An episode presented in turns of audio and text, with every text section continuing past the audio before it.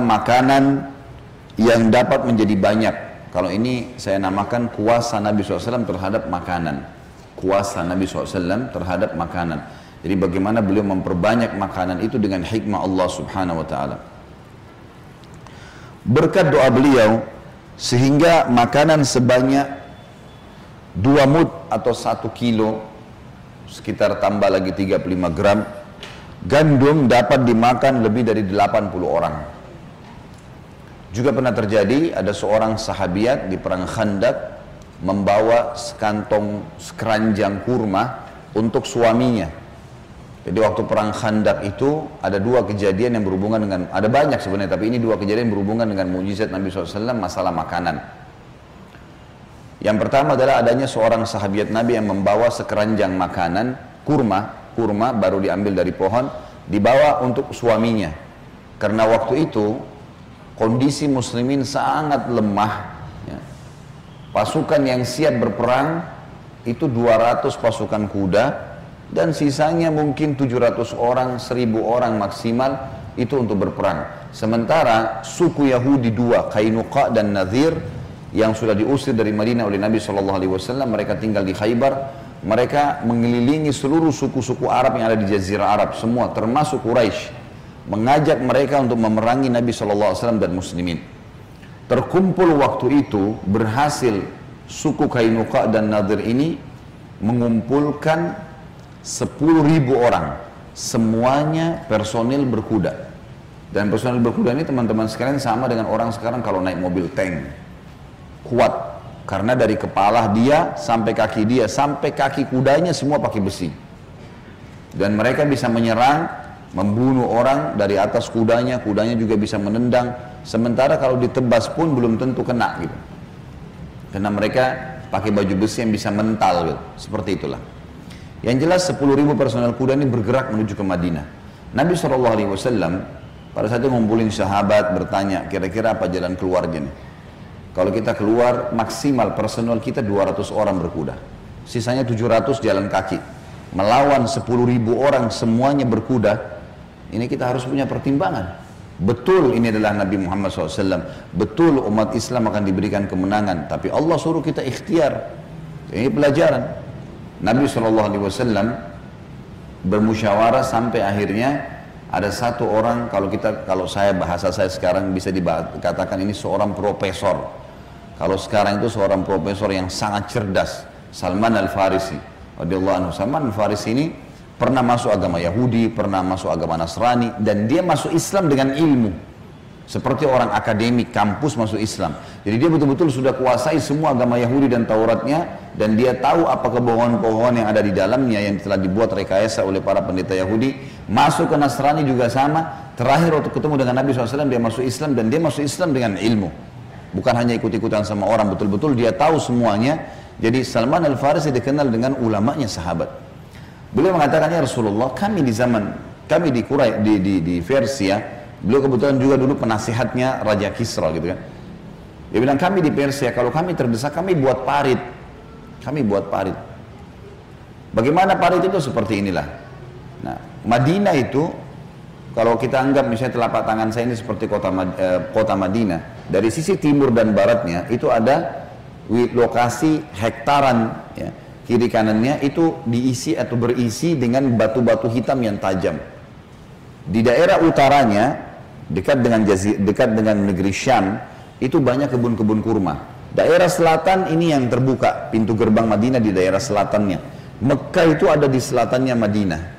Berarti orang-orang Mekah kalau mau nyerang hanya bisa dari selatan, dari bawah. Nggak bisa dari timur, nggak bisa dari barat karena Sampai sekarang masih ada. Kalau Bapak Ibu lagi umroh bisa tanya mutawifnya, saya mau pergi lihat mana hara syarkiyah, hara garbiyah namanya. Jadi mana wilayah yang syarkiyah, yang timur dan di wilayah barat orang Madinah bilang. Ini banyak sekali batu-batu hitam yang runcing-runcing dan karena sering kena cuaca panas jadi sampai warna hitam dan panas gitu. Karena di sana jarang sekali turun hujan. Intinya seperti itulah. Jadi Madinah nggak bisa diserang dari sana sini, dari belakang juga nggak mungkin karena mereka kalau dari Mekah putar ke utara banyak pohon kurma dan sulit untuk masuk. Nabi SAW membuat parit di sini. Makanya kita kalau lagi lihat lokasi parit yang dikenal dengan perang Khandak dulu dinamakan dengan Masjid Tujuh. Sekarang sudah jadi jalan raya itu cuma di situ yang diparit oleh Nabi SAW.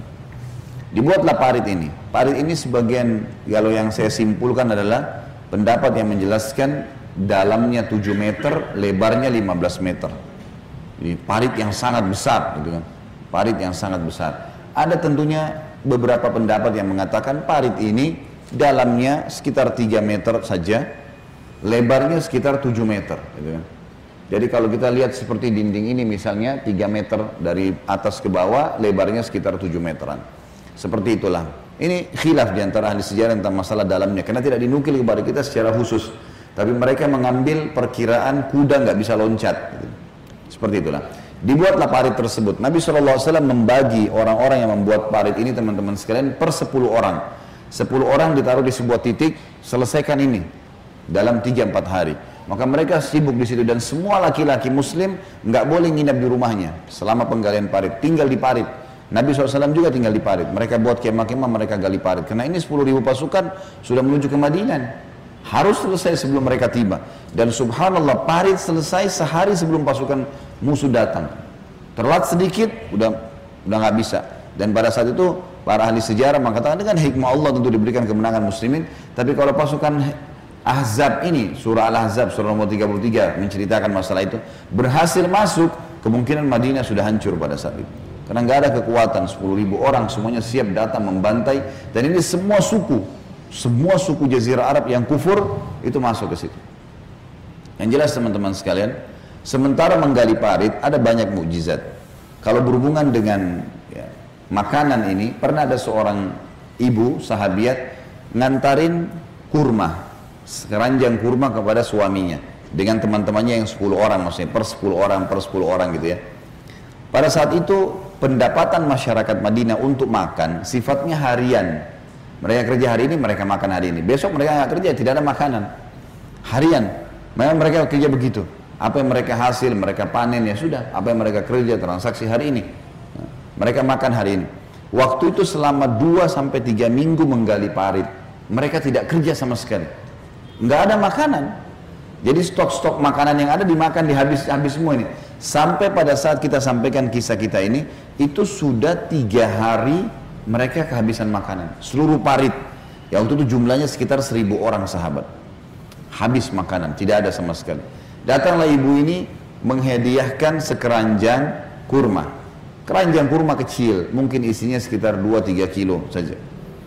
Maka suaminya datang membawa kepada Nabi SAW, ya Rasulullah, anda lebih berhak untuk makan ini. Padahal mereka lagi lapar gitu kan, ditaruh. Nabi SAW melihat niat baiknya, Nabi SAW buka jubah beliau, lalu beliau letakkan kurma itu di jubahnya sambil berdoa, tiba-tiba kurma tersebut keluar menjadi banyak, menumpuk sampai seperti gunung. Dan Nabi SAW menyuruh para sahabat untuk memakannya. Mereka pun akhirnya memakan makanan tersebut, kurma itu. Mereka makan dan selama mereka makan kurma itu terus keluar dari jubah Nabi SAW. Jadi banyak sendiri. Dengan hikmah Allah SWT. Ini disaksikan oleh seribu orang sahabat. Kalau orang yang saksikan dua, tiga orang, sepuluh orang, seratus orang saja sudah pasti orang percaya semua. Ini seribu orang yang menyaksikan. Inilah suatu hal yang luar biasa. Ini dinukil dalam riwayat Bukhari. Kejadian yang lain, kena waktu tentunya tiga minggu ya, cukup lama. Mereka kehabisan makanan lagi.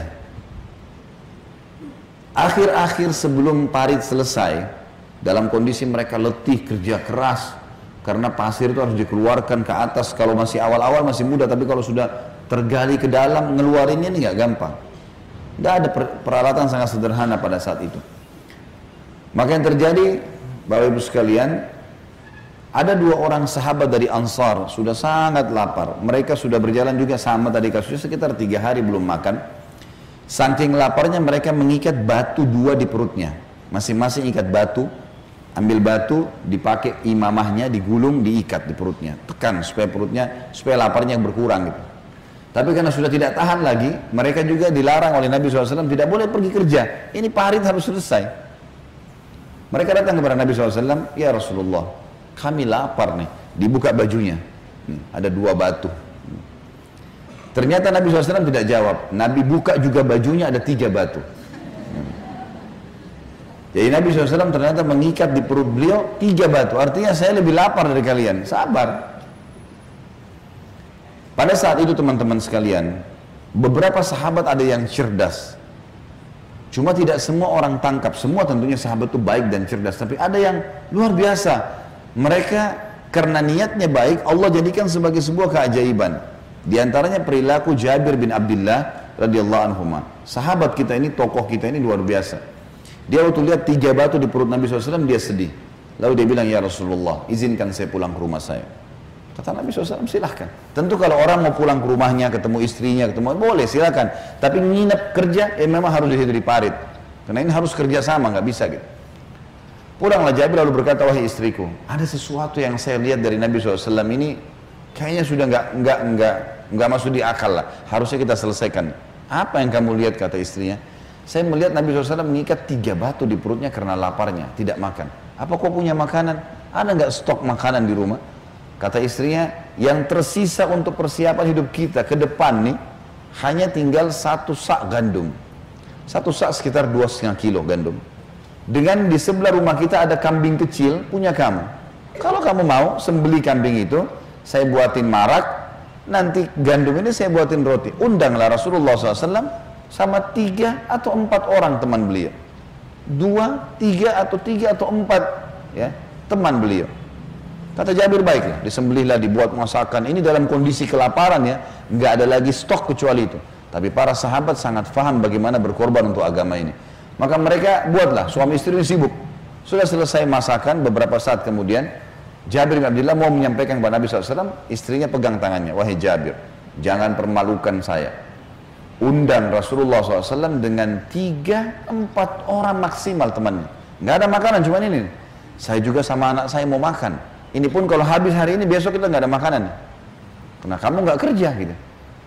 Kita Jabir baiklah. Jabir pergi ke Khandak kembali. Nabi SAW lagi istirahat sejenak. Beliau datang sebelah Nabi lalu bisikin.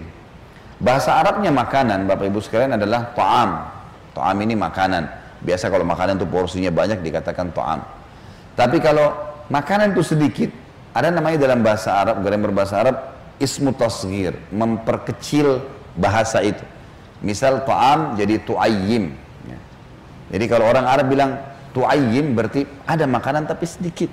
Kalau ta'am besar, seperti itulah. Ya. Maka Jabir datang mengatakan ya Rasulullah, dibisikin Nabi, saya punya tu'ayyim, makanan sedikit. Datanglah anda dengan tiga, empat orang sahabat anda maksimal. Kata Nabi SAW, apa yang kau siapkan Jabir? Dia bilang ada persiapan terakhir gandum kami, satu sak, dua setengah kilo gandum. Dan ada anak kambing saya kecil, saya buatin marak. Kata Nabi SAW banyak sekali.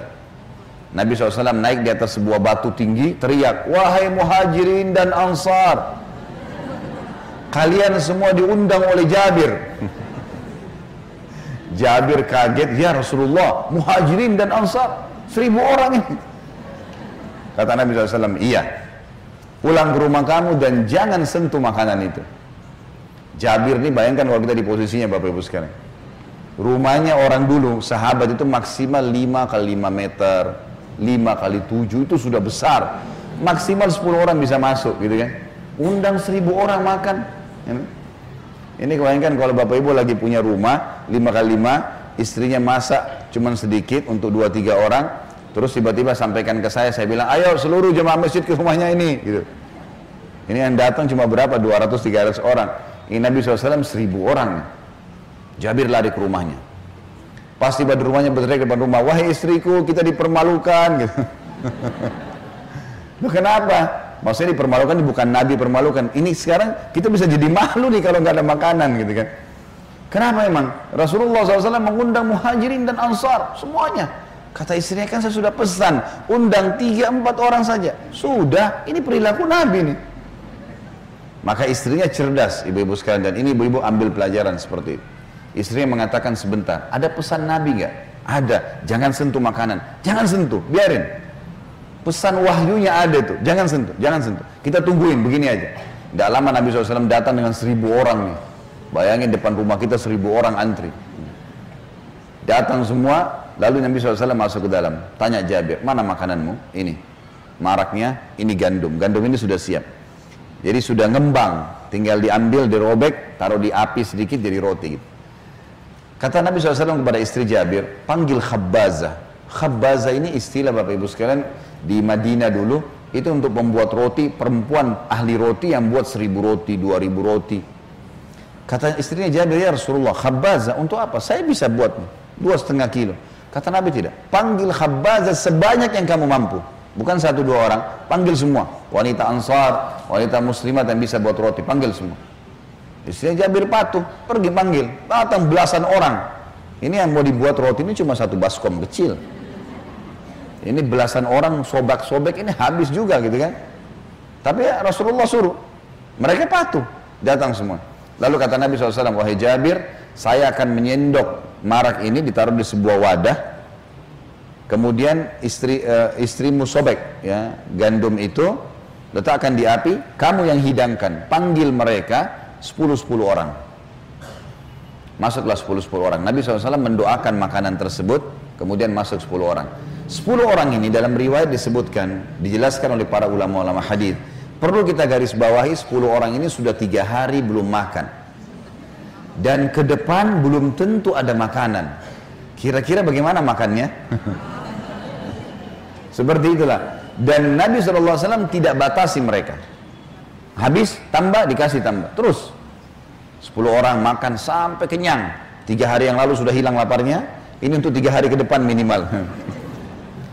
Udah selesai kenyang, pergi tiga orang, 10 orang masuk 10 orang lagi. Terus begitu. Kata Jabir, demi Allah, tidak sedikit pun dari marah kami dan gandum kami berkurang. Setiap kali disendok, penuh lagi. Setiap kali disobek roti, kembali lagi utuh. Semua tangan perempuan yang belasan orang itu sobek-sobek itu setiap disobek utuh lagi. Terus begitu.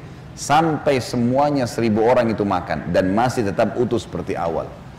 Lalu kata Nabi SAW kepada Jabir dan dan istrinya, wahai Jabir dan istrinya juga, bagikanlah kepada keluarga kalian dan juga ya seluruh masyarakat Madinah karena mereka yang belum dapat makanan karena mereka tertimpa kelaparan.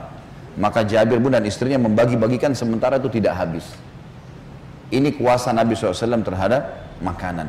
Bagaimana beliau SAW diberikan karunia oleh Allah Subhanahu Wa Taala dengan keajaiban seperti ini.